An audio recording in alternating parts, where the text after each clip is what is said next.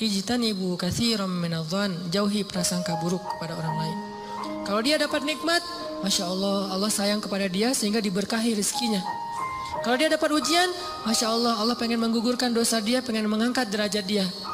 Kalau ke kita dapat nikmat, saya sebetulnya nggak pantas, tapi Allah baik banget sama saya.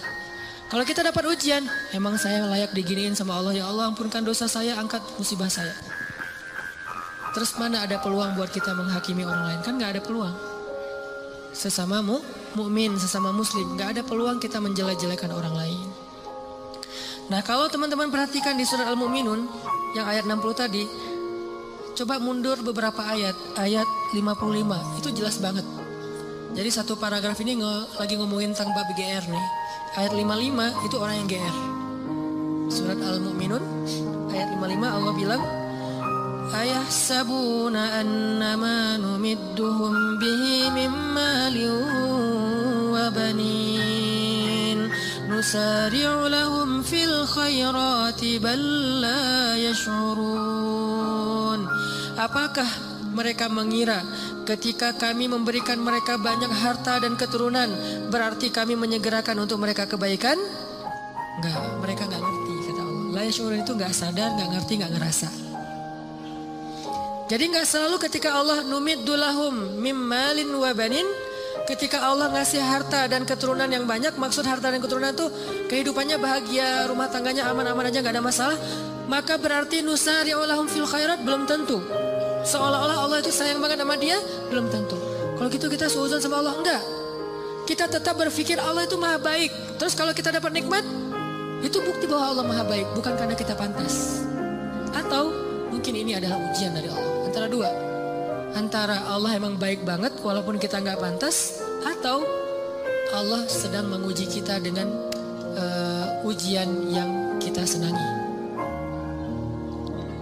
Dulu ketika masih sendiri setiap malam tahajud, ya Allah beri saya pasangan imam yang bisa ngimamin saya. Nggak apa-apa deh yang dibaca al-ikhlas juga, yang penting dia imam. Yang imam, ya Allah beri saya makmum Mudah-mudahan dia tetap mengamini doa-doa saya walaupun mungkin doa saya nggak fasih. Doain setiap malam tahajud. Allah kasih nih. Persis kayak bayangan kita banget nih, spesifik hidungnya, matanya, wah segala macam. Gua banget lah pokoknya. Pas udah dapat gitu masih bangun tahajud nggak? Atau udah mulai telat-telat dikit? Kenapa telat-telat dikit? Susah bangunnya sekarang. Kalau dulu bangun cuman ngangkat bantal guling atau cuman selimut doang itu juga kadang-kadang. Karena seringnya selimut udah terbang ke mana bantal guling ke mana tidurnya teh. Macet banget tidurnya.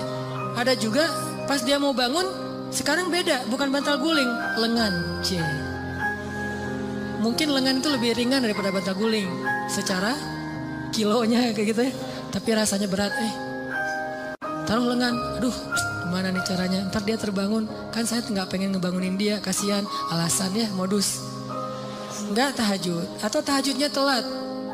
Atau mulai berkurang. Lama-lama tadi tahajud 11 sekarang jadi tinggal 8 4 2 tinggal witir doang. Tapi masih lumayan lah. Akhirnya subuh di masjid subuh di rumah subuh telat subuh dijamak dengan duha. Kan bertahap tuh. Udah gitu ngejamaknya kompakan lagi berjamaah. Jamak subuh sama duha berjamaah sama suami istri. Kan kompakan ya? Masya Allah luar biasa. Kompak istiqomah menjamak. Allah pengen muji kita lewat pasangan justru. Kadang Allah pengen muji kita dengan terlalu sibuk dengan kerjaan. Tadinya kita nggak punya kerjaan nganggur Akhirnya bisa beribadah tepat waktu. Begitu udah ada kerjaan Jadi nggak tepat waktu lagi. Kenapa? Alasannya mulai sibuk, mulai rush, mulai tight jadwal Kayak gitu-gitu. Nah ini artinya Jangan selalu kegeeran bahwa Allah sayang sama kita. Eh, bahwa kita layak disayangi oleh Allah, bukan.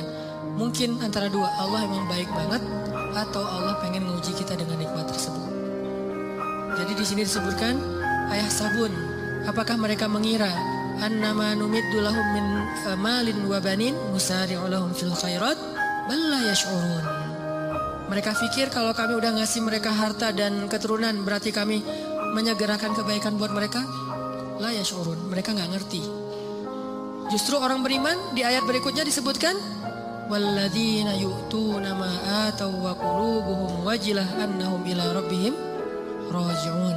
Ulaika orang yang kayak gini nih yang wajilah yang ngerasa kurang, yang ngerasa nggak pantas, yusari'una fil khairat.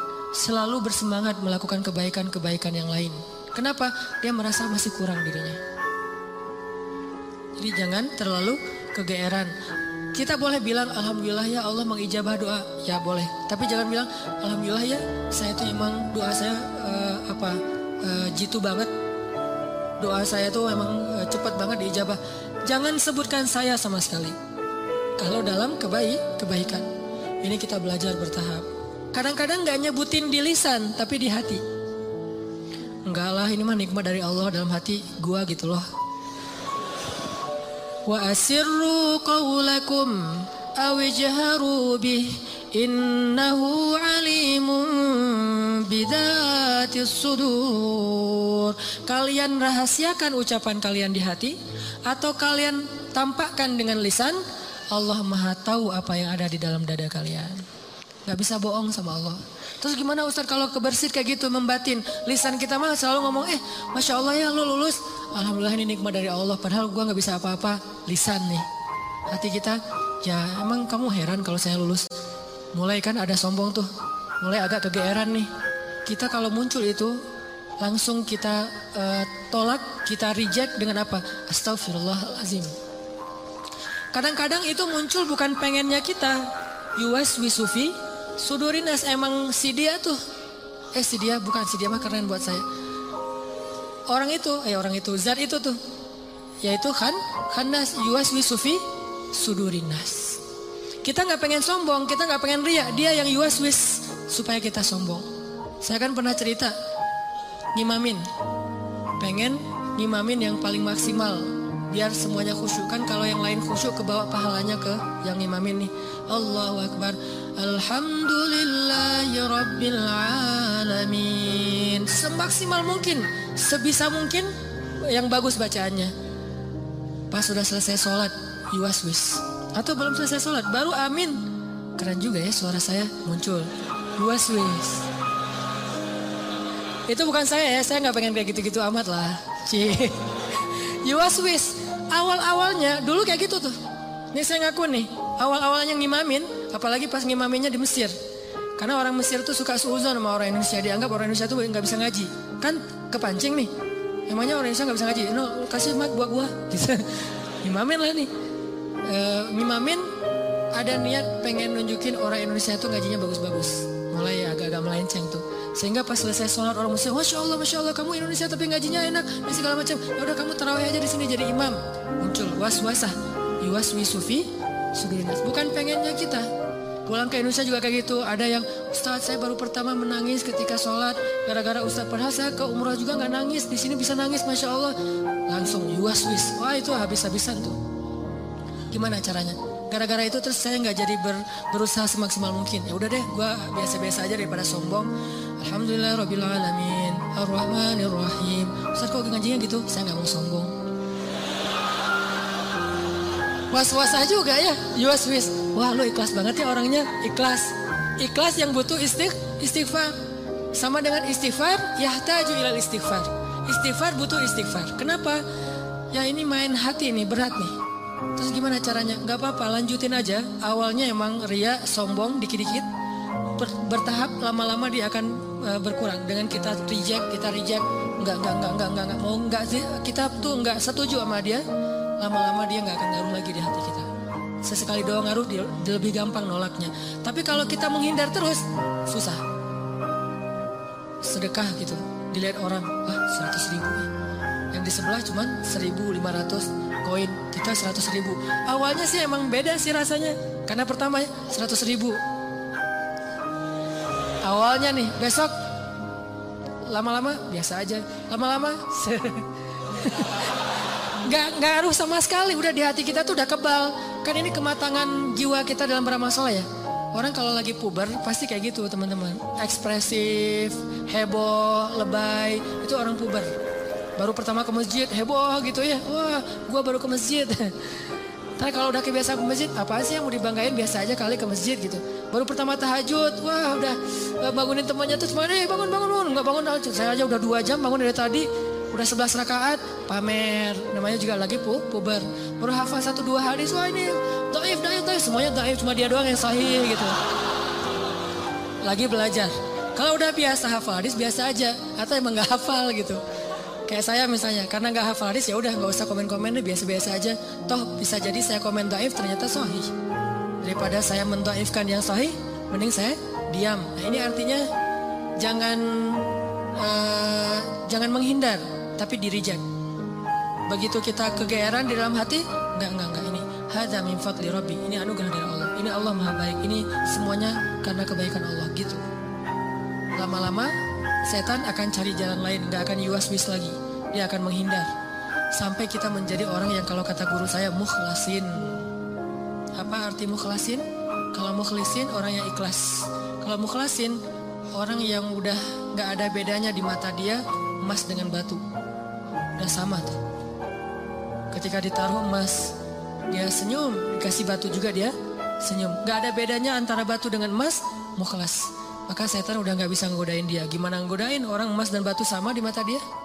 Tapi kalau emas masih lebih berharga daripada batu, cuman dia masih uh, berharap ridho Allah itu namanya mukhlis. Kalau emas lebih berharga daripada batu dan dia tidak lagi berharap ridho Allah, itu udah nggak mukhlis. Ada orang yang ria, ada mukhlis, ada mukhlas.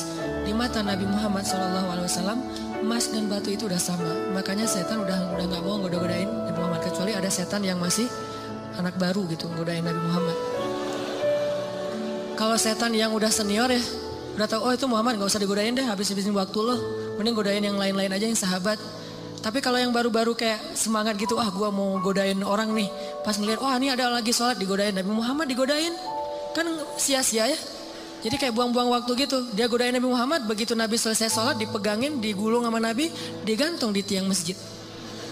Ah, teriak-teriak gitu. Pas pagi-pagi anak-anak Madinah, anak-anak kecil gitu, pergi sholat subuh ngelihat ada bola tuh mau diambil sama mereka mau ditendang-tendang kata Nabi jangan jangan jangan udah ditendang-tendang mereka dia udah kesulitan ah dikeroyok sama anak kecil Madinah gitu Bayangin jin di masa itu jadi bo, bola. Terus ditendang-tendang sama Nabi Madinah, diambil sama Nabi, dilepas, terus dia lari. Baru dia sadar sekarang, oh saya ternyata salah godain. Yang digoda adalah Rasulullah SAW. Kata teman-temannya, lo sih nggak nanya-nanya ke senior.